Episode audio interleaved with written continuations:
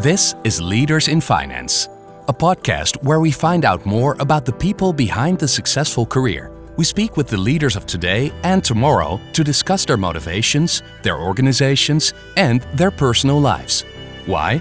Because the financial sector could use a little more honest conversation. We'd like to thank our partners for their support. They are Kayak, EY, Odgers Berndtson Executive Search, and Roland Berger. Like all young Norwegian men at the time, our guest this week was conscripted in the army. How did military officer school change him as a young man? I remember my captain said to me, You came in as a clown, you left as a man. The military also kickstarted his love for nature, a love that was rekindled much later in his career. When I was in the army, being very close to nature, being in infantry and spending about 200 days per year in a tent outside and really feeling the nature made me very happy. And recently, I went to this trail in Norway with a group of other leaders from the financial sector and rediscovering what the nature means to me. And you'll hear what book inspired him to look differently at the goals of our economy. Less is more. We, as a capitalist system, are always thinking growth, growth, growth. But we just need to start thinking a little bit differently. Our guest this week is Jens Pöhland. Chief Risk and Financial Officer and Executive Board Member at Mizuho Bank Europe NV. Your host is Jeroen Broekema.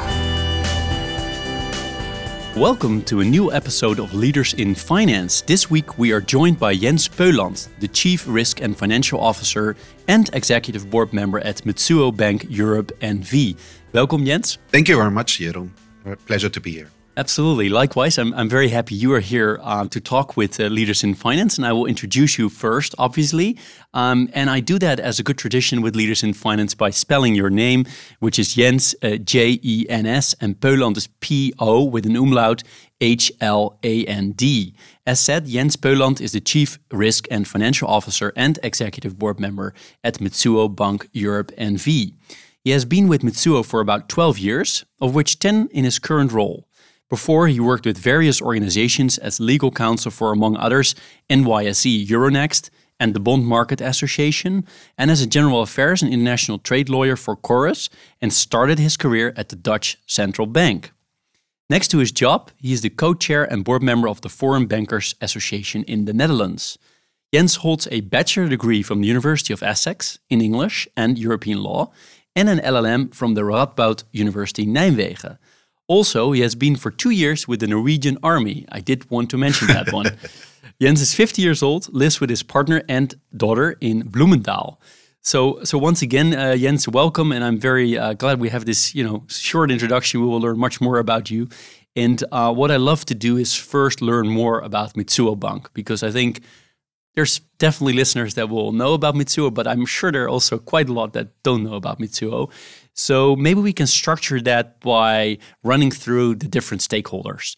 And um, I would suggest we start with the, the customers, the clients. Can you tell me more about who Mizuho's customers are? Oh, absolutely. And and uh, thanks again for inviting me for uh, this podcast. Uh, you know, Mizuho has been here in the Netherlands for uh, close to 50 years, and uh, primarily uh, it was established to to support and service the Japanese corporates here in the Netherlands. The trade relationship between uh, Netherlands and Japan goes back oh, more than 400 years. So it's a it's a very important country for uh, Japanese corporates and Japanese society and the trade relationship with the Netherlands. So we have been here uh, almost 50 years, as I said, and, and, and really servicing our Japanese corporates who have established here uh, it's quite a, a, big amount of corporates here in the Netherlands. Uh, so it, Amsterdam was a good location and have uh, been in, in, really providing all types of banking services to those clients uh, over the years.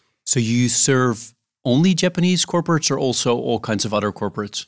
Now, we, primarily, there are we are also serving uh, uh, non-Japanese corporate, more the large global corporates who are Dutch maybe from origin or Benelux from origin, but who also trade in Asia and particularly in Japan, but also in China and other places in Asia, who like to get the uh, have the footprint there, who like to enter into these markets. So we help them and support them uh, from here as well. Right. So if we go to that next stakeholder, your colleagues, your employees, are they mostly Japanese then, or are they more, much more diverse than, than my suggestion? no, it's it's it's interesting you're saying that. Uh, in fact, we are uh, about 120 staff here in the Netherlands, and with more than 25 nationalities. Uh, our Japanese community within uh, the bank is is actually not more than about about one third or less even.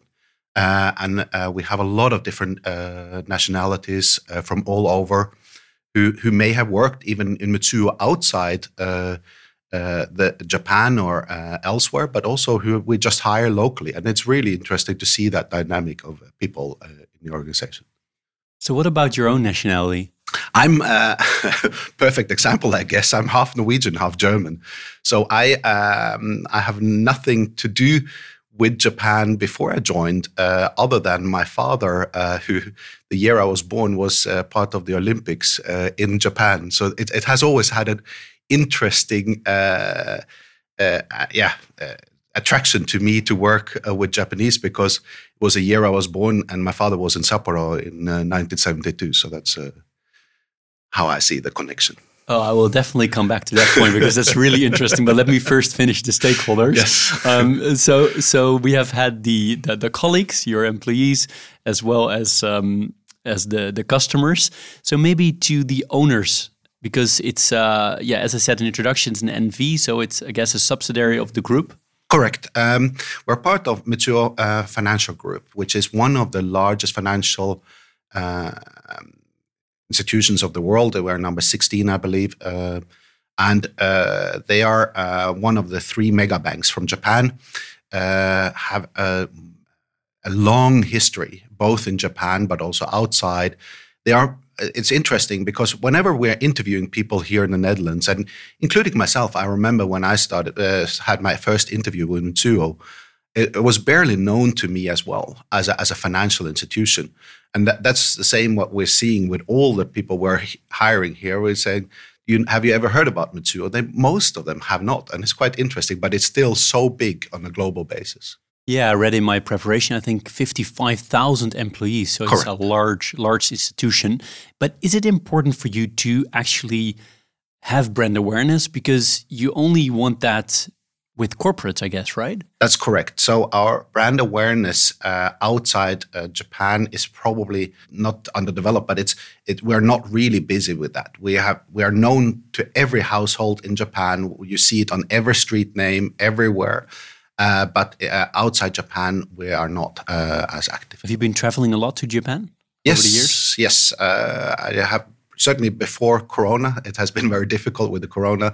But before Corona, I was regularly in Japan, uh, either for uh, meeting the stakeholders, meeting, uh, hearing what the, the group strategy and so forth, uh, but also for training and, and, and enhancement purpose. Right, because I, I know you know quite a bit about American companies that have subsidiaries in, in Europe or in the Netherlands, how that is structured from a hierarchy perspective. How is that with a Japanese owner? The good thing is we given that we are a subsidiary, we have a local governance and, and local control. Uh, we belong to the group, of course, and uh, and the policies and procedures, but we take a lot of uh, autonomous decisions uh, on local level and have much more freedom than maybe a typical branch of uh, of Tokyo.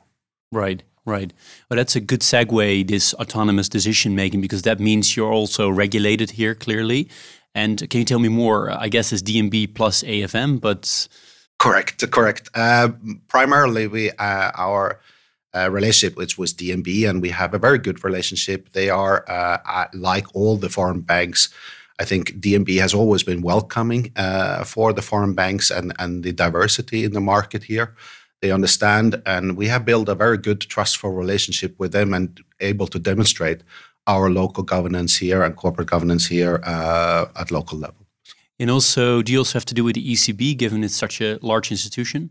Um, no, we are not large enough uh, on the European continent and in the euro area uh, yet to hit the threshold where we get ECB uh, supervision. But uh, you know, time will tell. Right, but but I actually meant also the group. I don't know if they are they are not active in this subsidiary is active in Europe from here. Yeah. No, we are the only subsidiary right, here right. Uh, from the banking side. So yeah. yeah. And um, the the other stakeholder, competitors. Who are your competitors? Well, uh, you don't need to name them. you you may, but well, uh, obviously, uh, you're talking about the three mega banks, uh, um, MUFG and Sumitomo. They are all three also present here in the Netherlands and and in the on, on the continent. So uh, naturally, given that we are all pursuing to service the Japanese corporates uh, here, they would be our uh, competitors. Um, and but we have a very good, and you know, uh, healthy competitive competitive landscape in that concept.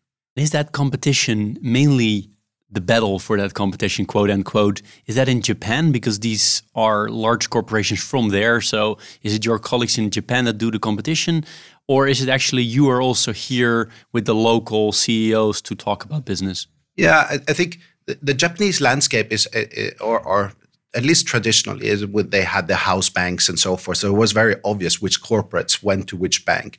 That has changed over the years. And uh, despite that, you know, the F, of course, in Japan is, is, is competing for these customers very strongly and so forth. Also at local level, we are competing for the different customers and and the deals that are out there. Right.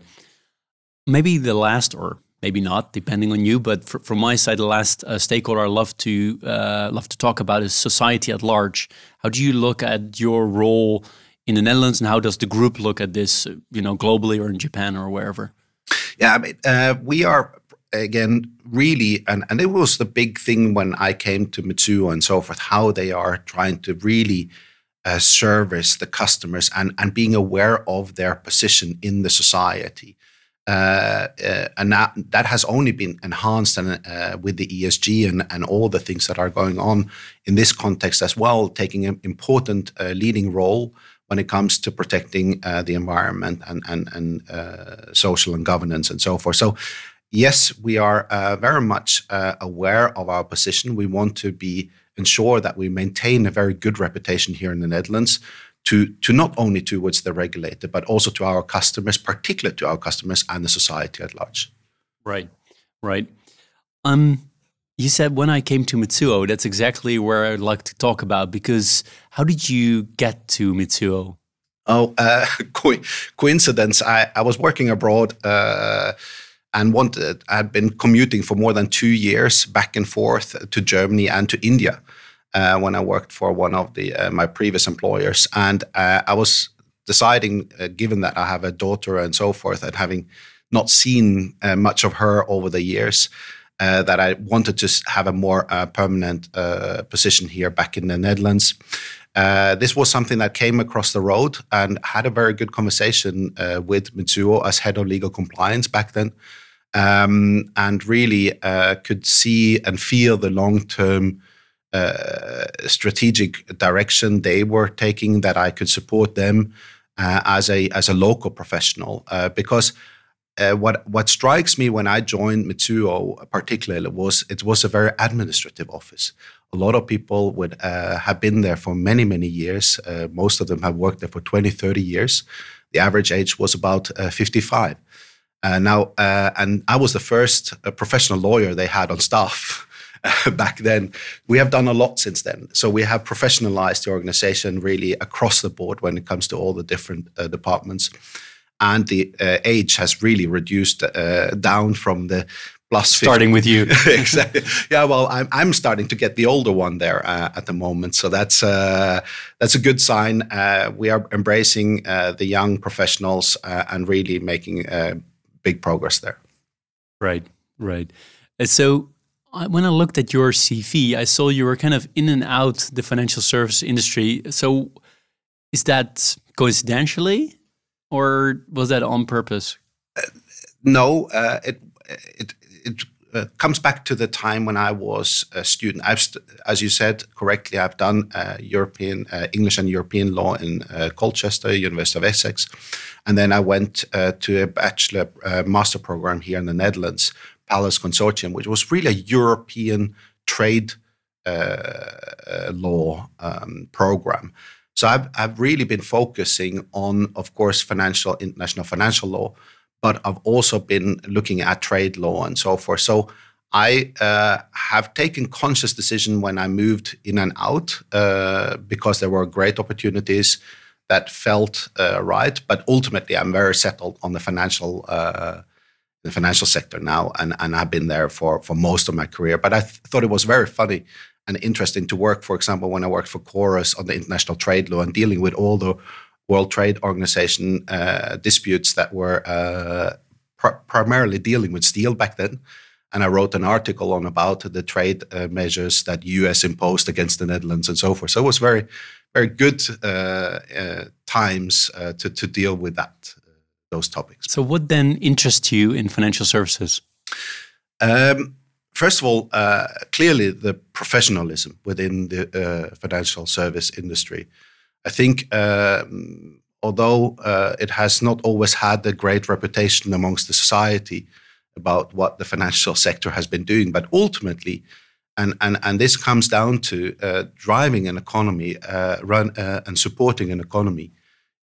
It sits within the financial sector, of course, and yes, there are always been good practices and bad practice, but overall they have been very professional and really driving to support the the the the, the economy at large, but also the uh, the, the, the the the customers that are, are being held. And I think too often in the past it has been yes, there have been some bad practices, no doubt about that, but I think overall it has been about to support the customer. Right, makes total sense.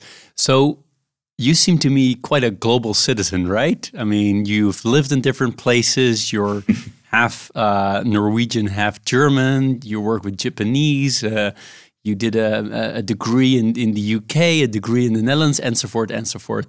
So, uh, is that is that a correct statement? That, is that how you feel as well? That's a very correct statement. I, I you know, I grew up with my uh, my mother was Norwegian, my father was German, and when I was five, about five years old, they uh, split parts, and I was as a small little child having to travel also by myself between Netherlands, uh, Norway, and, and Germany, and uh, have always enjoyed the cultures and learning about uh, uh, other ways of living outside your your normal comfort zone. And over the years, just been traveling more and more seeing the world both uh, privately but also professionally. And I, and I, really enjoy, and I think that's also a little bit why I ended up with Mizuho. I really was intrigued by the Asian cultures and, and, and the depth of that and so forth. So that's why I also have uh, really had a great time uh, doing that over the years.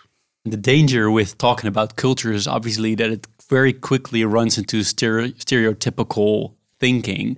But if we still, you know, try to go that path a little bit, do you have particular traits or character traits or the way you act that are Norwegian, German, Dutch, Japanese? Mm, good question. I, I, I don't. I, I look always at the traits at others. I haven't really, really see myself as a very typical Norwegian trades uh, or German trades. Uh, I think, um, yeah, I, I, I, look more at others, but it's a very good point. I, I think I'm just a mix of them all uh, right. over the years. And language-wise, do you speak all these languages? Yes, correct. I, I'll, I'll I don't speak Japanese, uh, although I know a few words, but uh, I do speak uh, Norwegian and German and, and English, of course, and, and, and Dutch, Dutch, very well, which I, I, figured out before. So that's great. that's, right. that's amazing. Do you, do you mix them up sometimes? These languages? Um, yes, uh, particularly the German and the Dutch. I, I now having not lived in Germany for many years, I notice when I'm speaking to family or friends uh, from from the past there, uh, I, I, often bring Dutch words in between and and, and struggle a little bit. Right, because you have offices in Amsterdam, Vienna, and a third one as well, right? Yeah, Madrid and Madrid Brussels. And Brussels. Yeah. So you travel a lot to these different locations. Correct. So it's helpful you speak German while you don't speak Spanish, then, no, uh, no. or you do? Uh, well, I not not uh, su sufficiently good enough. I had Spanish many many years ago in school, but uh, wouldn't wouldn't say I speak Spanish now. How did you end up with the Dutch Central Bank as your first employer? Oh, uh, that was during my time at Nijmegen at Pallas Consortium, and uh, one of the uh, professors um, who held lessons uh, there was uh, René Smits, Professor René Smits, and uh, he was head of legal department back then. And coincidentally, I joined the DNB the same day as Frank Elderson, so we we also shared office for two years, traveling back and forth between Amsterdam and Frankfurt. This was the time before the euro was really introduced as a, as a fiscal money. And uh, we uh, were uh, working with René Smits to support uh, regulation enhancement on, on, on guidelines and so forth. Interesting, because both René and Frank have have been on this podcast, and also Frank Elderson was uh, the, the most recent one of the two, and he spoke about René Smits yeah. as well. So uh, it was quite an interesting uh, person to work with. He, he he told the podcast, right? Absolutely, and he, you know, René, I still have we still have both Frank and I have still very good contact with René today.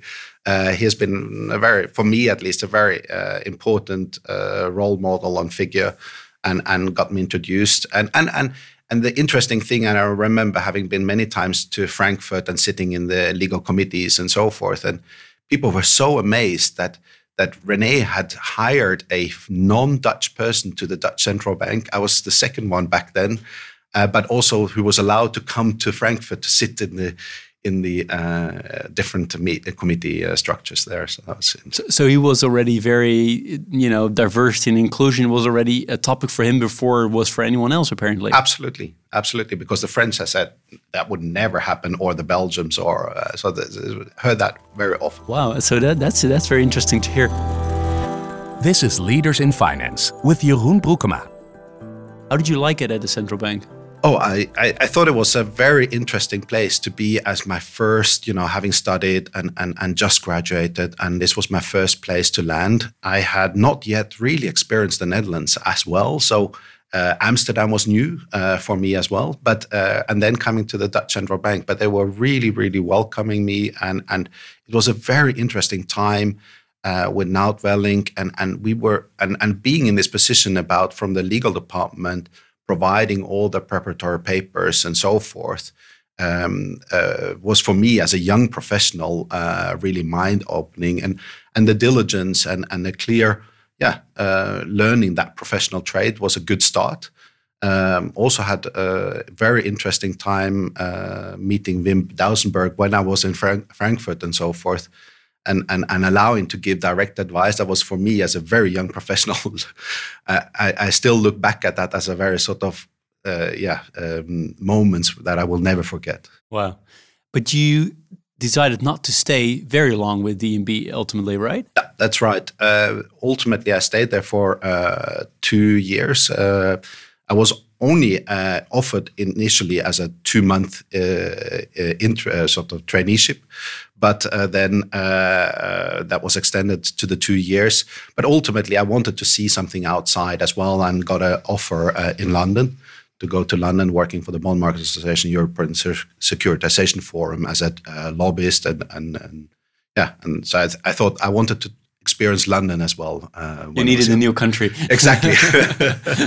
but uh, in the end, you uh, what was your link to the Netherlands? Was that the study, or was it something else? Uh, that was a study. That was the uh, opportunity to do the master degree here, um, and that was my first ever visit to the Netherlands, and that was also Nijmegen, and I was like, okay, um, but then. Uh, moving to Amsterdam and then finding my partner uh, back then even uh, and we've been together since and uh, really enjoyed the netherlands very so much so you've been living in the netherlands now for about about uh, since 1998 uh, uh, so yeah so it would be hard for you, right, not to live in a different place again, which is just in the Netherlands. exactly. Although I must say, in between all of those years, I have lived some years abroad as well. But right. So, and if we then uh, go back all the way to how you uh, grew up, you you already you know told us a little bit um, about the Norway German connection, your parents that split.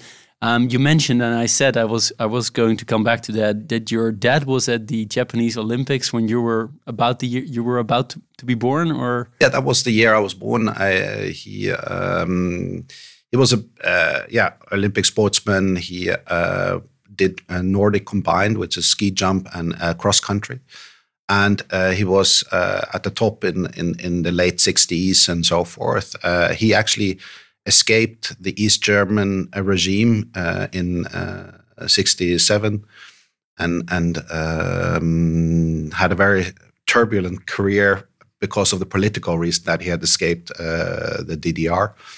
Uh, and then in 1972, he uh, was finally allowed to participate in the Olympics because in 68, uh, he was banned from uh, participating due to the uh, political tension.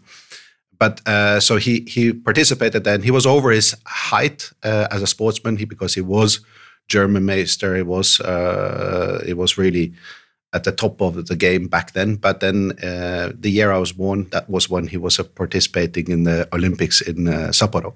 So no medals that year. No, no medals that year. But I still have a medal, but that's more. Uh, I think everybody in the top ten received a medal anyway. So I think. And uh, he he he went out for the DDR, right? Yeah, no, uh, for West Germany. For, that was, and then he was a West German yeah, citizen. Exactly. Or, okay, yeah. but he also lived then in West Germany. Correct, or, correct. But first he moved to Norway then, or uh, no? Uh, when I was born in uh, that year, we moved immediately to Germany with my mother and everybody. Ah, so you have not lived in in Norway? Only after when my father and mother uh, separated, we I moved together with my mother back to Norway. Right. Okay. And is there anything else you you like to share about how you were how you grew up? No, I think, uh, uh, of course, due to this situation, due to that, I had uh, two parents living in two different countries and so forth. It was quite unique back then. I think it wasn't too many uh, of my peers, uh, first of all, to had uh, divorced uh, parents that was uh, quite unique, but also having them in different countries. So I, I was, you know, but I, I really enjoyed uh, having those two bases. It gave me a very interesting insight, not too much. I always say that the Norwegians generally look a bit too much inwards, and I like to look outwards. So I, I felt like uh, this this felt right for me, even as a child traveling, and uh, I, I really enjoyed that. Right. And you said your dad was a sportsman and your mother? Uh, she uh, was a teacher at the, the high school uh, gymnasiums and uh, and has been a very she she took care of me uh, in a in a very uh, you know difficult situation being alone and and moving back to the to Norway. She had fully integrated in Germany, so it was a it was but you know I, I she protected me as a child and and uh, made sure I was got all my opportunities and and supporting me and she did very well in that. How do you decide to then go to the UK and study in in Essex? Where did where did that come from? Oh, uh, uh, coincidentally, uh, at the gymnasium that I um, went to in Norway, one of my best friends he was half English, half Norwegian. So he uh, wanted to study law in the UK. So that's how I got interested in this university, University of Essex, and um, and and and and the international European program there. Uh, and it felt very right to me because I wanted to actually. That was a time when Norway wanted to do a referendum to become a member of the EU, and uh, I thought, let me do that study because if Norway ever becomes a EU member, I've already I've already prepared myself and taken the right steps to to, to unfortunately and they never did. they never did exactly. So that was, uh, but I I managed very well and enjoyed uh, staying abroad. So that was fine. Right. And why law? Oh, um, I think uh, uh you know it, it, I was always very uh, intrigued and felt very uh, yeah as a, as a child even understanding the, the the different laws about the different countries the different behaviors and so forth i thought that was a very intriguing interesting thing. So that's uh, and i you know i was maybe less good also at school in some of the uh, physics and, and and these other type of subjects.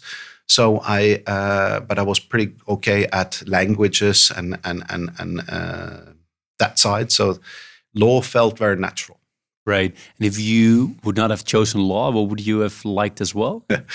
I wanted to become a pilot. That pilot. was that was my that was my dream as childhood dream uh, to travel the world and and and and and be uh, yeah uh, sitting in the cockpit of of airplanes. Uh, um, as I said, having traveled so much between Norway and Germany and flying, I was always as a child allowed to go into the cockpit. Back then, that was uh, never a problem and uh, that was uh, I was always very impressed by that, and I and it gave me then the upside to maybe travel the world. Now um, it didn't become that I didn't couldn't become a pilot, so uh, but I still have traveled the world in the meantime. Yeah. So most of the uh, listeners to the podcast are are either Dutch or are connected to the Netherlands. And I'm really curious with this outside perspective, which we have discussed a couple of times today. How do you look at the Dutch? Although you're you're half Dutch yourself now, but how do you do you have any any idea? Again, this is dangerous because it's always going very quickly into stereotypical uh, uh, uh, directions. But still, I'm curious. Uh, funny you're, you're, asking, or not funny, but uh, I think the Dutch are very similar to the Norwegian. The only biggest difference in in the way you know you like to socialize and how you interact with each other. I think in a very direct and and and and and, and friendly way and and and try I, I think I, if I describe the Dutch like that it's really I, I, mean it from the heart. And I think they look very much like the Norwegian in that context. The only biggest difference between the two the the as I referred to a little bit earlier the Norwegian have a tendency to look inwards and the Dutch look at outwards uh, in in the context of trade in context of really uh, uh, bringing the different nationalities and, and, and different perspectives together, uh, whereas the Norwegian have a tendency to, to, to look about, yeah, but we are, we know what we're doing.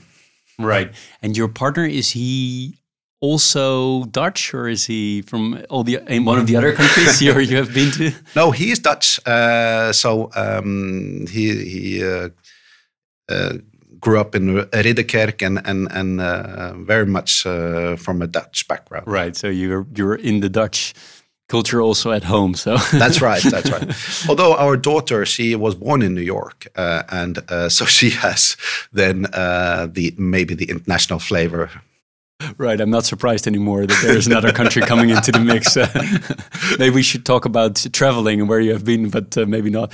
Um, I was I was curious to uh, to also ask you about the financial services industry uh, in Japan because you know that you know it quite well, and I don't know anything about it. Also, compared to the Netherlands, is it very different? Well, uh, yes, uh, I think what what surprised me the biggest when I joined Mizuho, and, and and I think when we all talk about Japan, talking about technology and talking about you know uh, uh, Japan has has a very sort of high. Everybody has this perception that Japan, when it comes to technology and so forth, is is very advanced. But um, within the financial sector, because Japan has been very protected when it comes to the financial sector and financial industry with banks who are operating in Japan and so forth.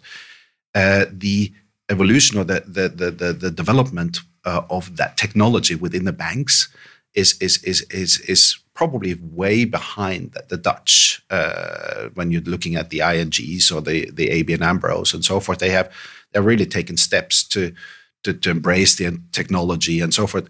It's not that I'm saying that the Japanese are not, because they are realizing they have to do that. But the the the, the speed and and and uh, that uh, the differences between the Netherlands and Japan is clear, marketable and clear. that's that's interesting. So th that's indeed not how we feel often. I think, or we, or at least I feel about Japanese seem to be very technologically uh, advanced, and exactly. they are in many ways, I guess. But uh, but it's it's it's all to do with that it has been so protected and they didn't have that outside competition to take the necessary steps. Uh, and i think the other big the other big difference which is then tilting to the other side we always say i think in europe we have this general tendency and now i'm talking a little bit europe uh, the, the, the, customer is the king. The, the, we are going to serve the customer. But what surprised me when i joined Mizuho that notion about the customer and serving the customer is much, much deeper and much, much felt, more felt in a Japanese organization than maybe a, a westernized financial institution. Uh, that's a that's a very very yeah very interesting statement. I can and but, but can you elaborate on that? Why is that the case?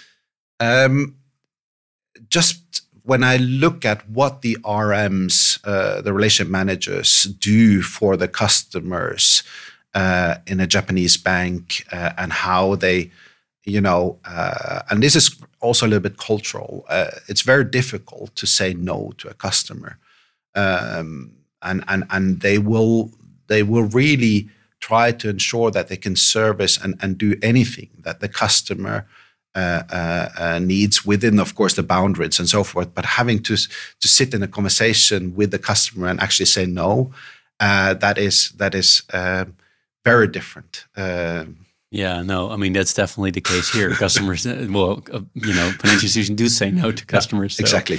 Yeah, that, that that's right. So with leaders in finance, we always have a pleaser and a teaser. The pleaser is always about a book. We'll come to that. And the teaser, I've written down that given, and it's actually a good segue with what we just discussed. But the teaser is with the you know very good reputation that the Japanese have in, in you know at least you know at, least in, in business, I mean, generally, I don't know, but in, in business, very good reputation, but also, you know, a strong capitalization, you know, global players. Um, Mizuho Bank or any other Japanese large conglomerate that's active in the Netherlands, doesn't matter. You can talk about Mizuho or broader, um, could actually be much larger here and maybe should be much larger, could also, you know, serve maybe other groups than just corporates. Do you agree with that? Yes, I yes I agree uh, that they could serve a much broader. Uh, I mean, when you look at the global uh, global trade, global economies, they are so intertwined that I think the the the as you say the the Japanese having uh, so long, uh, well established. Uh, um, not just the business model, but how they service the customer and so forth. They could, they could. There's great potential for upside to grow. I think when it comes to though their retail and, and trying to look outside the, the comfort zone, I think that becomes a little bit more tricky uh, for uh, partic- I think the Japanese banks generally, but uh, here uh, abroad, uh, it's just having that knowledge and that that legacy and that really in-depth understanding. I think where the Japanese are really uh, have been very, very good at, successful at, is the long term relationship they're having with their customers, that they really understand the depth of the customer and the customer businesses and so forth when it comes to corporate banking. And there's not just about, you know, you have a customer for five years and then they maybe look somewhere else. These are long lifetime relationships and how to support and how to jointly grow together. There's so much data and so much uh, knowledge within the, uh, at least for Mizuho, for those banks that yes, we there's more opportunity to grow there, but going into the retail would be a much whole different. Maybe not retail, but but what about, for example, serving you know Dutch smaller corporates, let's say corporates with you know I don't know if that's a corporate or a larger company with thousand people working there or something. That's probably way too small for you at the moment. But why not serving customers that, for example, have 10 or 20% of their trade with Japan and the rest is European? You could be an interesting player for them, right? Yes, uh, of course. Um, and uh, but but when you're looking at the low risk uh, profile or low risk appetite of the Japanese uh, corporates, and and again coming back to having that long term uh, data and, and, and relationship and on really truly understanding the customer better, I think it's it's it's it's difficult for for for to open too wide uh, with new cu customers that don't have that long-term relationship. Right. Doesn't sound like you're going to broaden uh, anytime soon. Although I, think for the Dutch financial services landscape, it would be good to have you know a couple of more players than just the three banks. Maybe some people don't like to hear this, but I, you know, as a customer, I think it would be good to have more diversity. So. Uh, uh, uh and you're right, but but I, I think the Dutch uh, financial industry and, and looking at being also the co-chair of the Foreign Bankers Association, if you look at how many members and how many financial institutions are here in the Netherlands, it's it's it's it's quite impressive for such a small country. And yes, you have the three big players or four if you take Volksbank uh, uh, in that game, but but ultimately, I think uh, uh, so. So the foreign banks here are playing a very important role uh, to, to, to capture and to, to make it a little bit more competitive and a little bit more diverse. Uh, we all uh, service different uh, pockets, uh, different niche markets, but I think it's it is quite. I mean, if you look at the deals that we are also participating in, with, when particularly when it comes to the non-Japanese customers, the more global corporates, we are competing with the ABN AMRO, INGs, and so forth as well.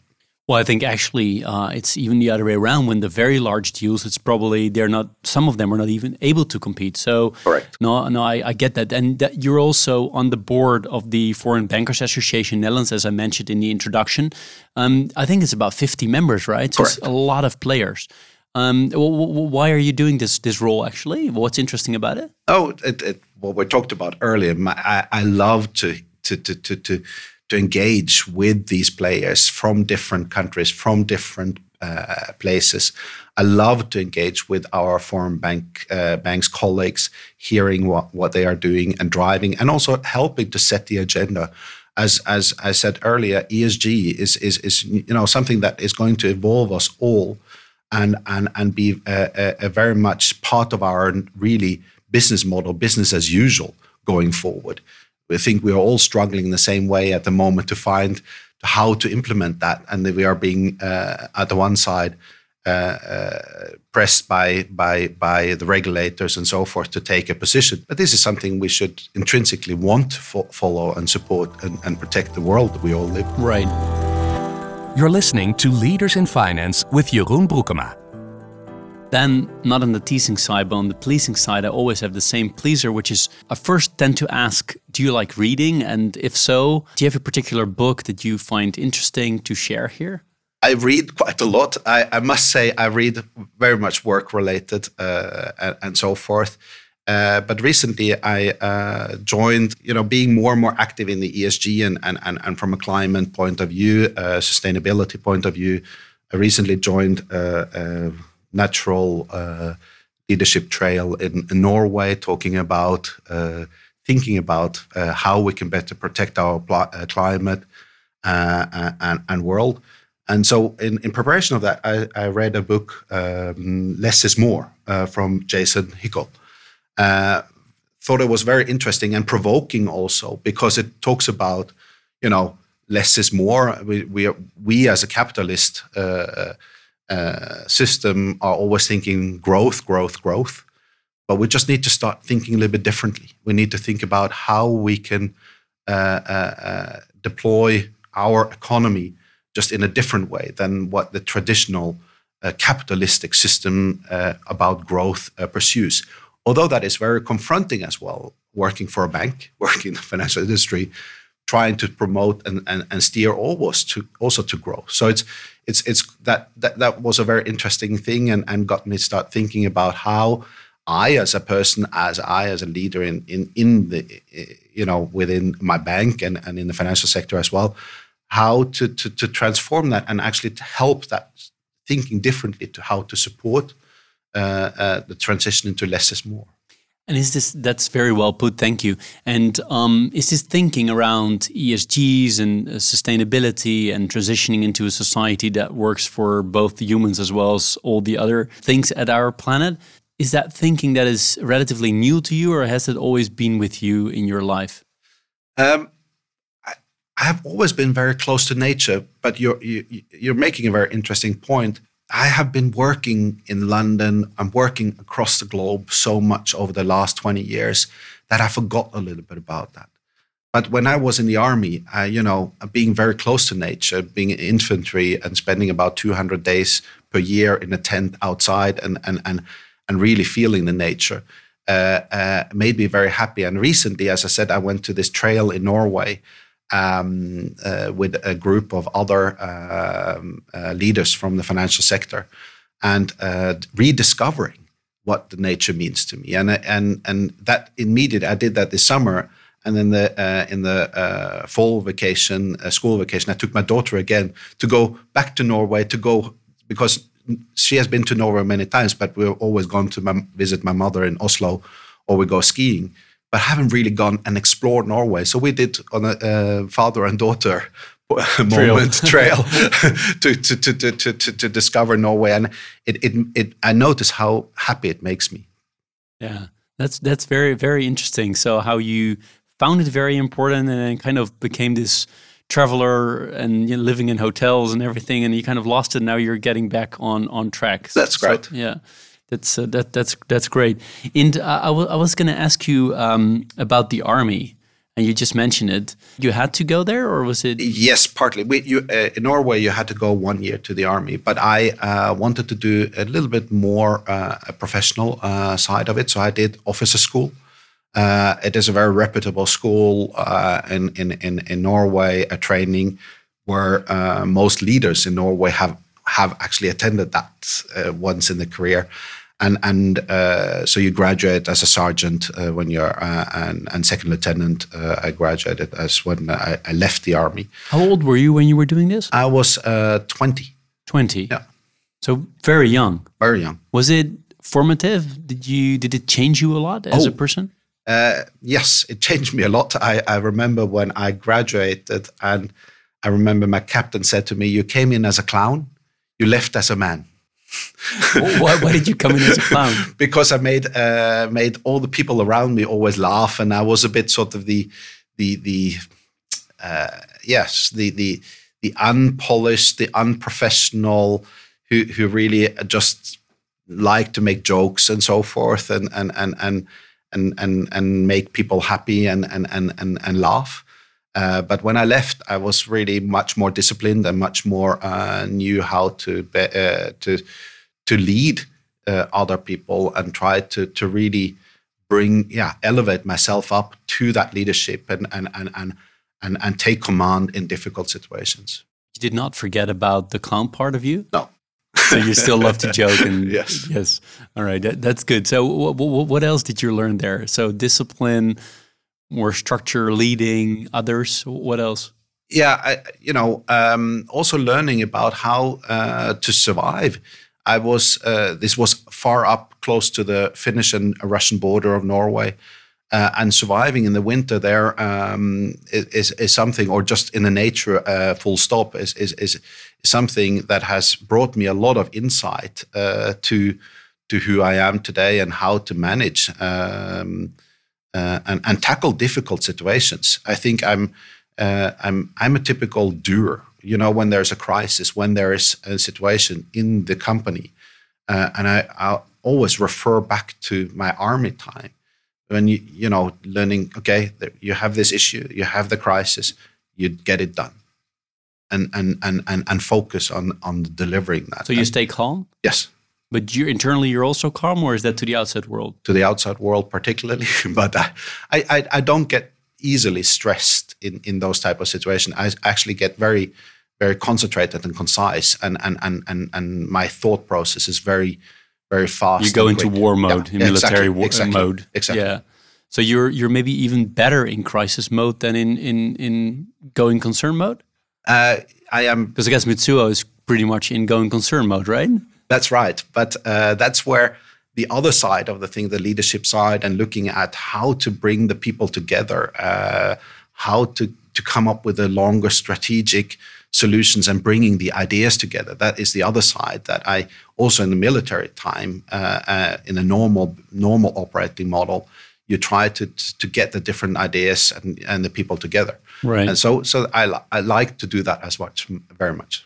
I can imagine that your your trail with these um, these bankers or financial uh, financial professionals was quite easy compared to your stay in the north of Norway, close to Russia, or not? No, yeah, it was easier, but it was uh, 30, 30 years later, right? Exactly, exactly, thirty years later, uh, and uh, instead of sleeping in uh, in tents, we were just sleeping under tarps. Uh, so that was yeah yeah, no, that's that's great. Did you um did this this diversity in you right? Which I I you know I, I knew you just a very very little bit before this conversation, but I really got to know you now. Is that that is that something also in your in your private life? Are you doing a lot of different things, or are there particular hobbies you're you're always focused on? No, I, of course I live with my husband. Uh, we have adopted a daughter uh, uh, uh from uh, the U.S. many years ago. She came to us when she was five days old, uh, and um, that is my sort of diversity and that sort of thing. At, at, at, home, I'm very very traditional in the sense like I like to to to to work in the uh, in in the home, trying to deal with things uh, and support uh, the family uh, because they are supporting me over the years so much with all my travel and, and and and things like that. So I'm trying to want to try to give something back to them. Right. Nice. And how do you and how have you, but also now, but also in the past, have you combined your busy jobs with your private life? Yeah. Uh, uh, as I said, uh, my husband has been extremely uh, supportive over the years. Um, when I was both living and and, and traveling a lot abroad, uh, so I've always, I, you know, I could sometimes call and say, "Well, I need to leave to India this afternoon. Do you mind?" And he said, "Just I'll drop everything and I, will support you." So that has been immense in, in everything I've been doing uh, over the over the, my whole career. That has been very helpful and supportive. And and uh, again, the more my daughter, of course, uh, I feel when I traveled a lot when she was younger, that was very for me a big miss for me but it's I also feel the support from her now when I'm uh, need to go. Uh, How old is she now? She's now 14. 14, yeah, yeah, right. And maybe one of the last questions in this this interview, but uh, staying fit, like staying healthy in a busy job, I'm always curious about that as well. Yes. Um, I, I used to be much more better going to the gym and really actively uh, uh, doing more sports. Uh, unfortunately, that has uh, also with age, but also with uh, the the role and responsibilities and getting less time for that, have have have suffered a bit. But uh, during the corona, we we got a dog, a Rottweiler, and it gives me every day uh, the pleasure to walk uh, in, in, in nice surroundings uh, and in the nature with him. Um, so I, am trying to, to to do that as much as possible to to stay a little bit fit. He forces you to go outside exactly. even when the weather is not great. exactly, exactly. Wonderful. And uh, I had the uh, the pleasure to talk to about 120 leaders in the financial service industry, and I've always asked them this same question. I'm collecting this question basically, or the answers to this question, which is: Do you have tips for people that start their career um, today in financial services? Yeah, I, I think. Uh, my, my tip and my, my really uh, um, advice is the financial services is is a great place. I think it has suffered a little bit over the years when it comes to uh, reputation and so forth due to some of the public discussions. But it is in a, in, a, in an extremely dynamic and interesting place to work. Uh, yes, there is regulation there, there is scrutiny there uh, that is making things difficult. But at this other side, we are really in a transition when it, you're talking about the ESG and so forth. And there, we need the young people. We need the really the true believers, the the the, the really understanding. If you look at what is happening, uh, when you see the engagement and mobilization of the younger people when it comes to taking care of our planet, is much more. And we are going to be at the forefront. So I think we are what I wanted to, to get them to come back into and really engage and, and, and, and join the financial industry much more. That's more a motivational speech to work in this sector, but what's the tip? Uh, tip is is come and work in this sector. come and work in no, but in in this world where we are becoming so very much uh, focused on taking positions and so forth, and and we sometimes forget to to listen to understand, but we are more listening to react. I think one of the things that I would give advice to all the new ones, particularly we need that within the financial industry, is people to to open up and listen and be inclusive of the different opinions that are being held. And is that something as a starter in your career that's probably even harder than when you are in your current role, right? Where you have much more confidence about who you are, what you can and what you cannot, and all these kind of things. But if you start, you're most of us are quite insecure, right? Exactly. Uh, so I think, uh, uh, and very good point that you're making. This also applies to the, the people like myself, or who has been there for a long time as well, to really open up the mind, uh, because that is how we, as a financial industry, but also can can move forward in the right direction. Right. And do you have any idea? Because that's that's maybe really the tip then. Because I think this is a great point. How to do that? Because you are, you know, I'm just imagining this. I'm starting my first job. I'm insecure. I want to, you know, I want to achieve something. I'm ambitious, but then I get the tip to be very open and listen to people. Like, how, how do you do that? Yeah, uh, you have to, to to to feel that you can speak up, and and don't let uh, these these these these presumptions or these feelings. You you have to speak up, and then you can hear and listen. Great. Well, that in itself could be an amazing end of this podcast episode. However, I do always ask before I wrap up everyone is there something that I should have covered, I should have asked, or otherwise you'd like to share? I think uh, you know we have tackled a lot of subjects and maybe more than what I had expected before I came into this conversation. So uh, I, I, have nothing additional. Thank you. Wonderful. Well, uh, thanks so much, Jens, for for being so open and also to to have this really interesting conversation. I, I enjoyed it a lot both Likewise. the business stuff as well as the personal stuff and everything in between.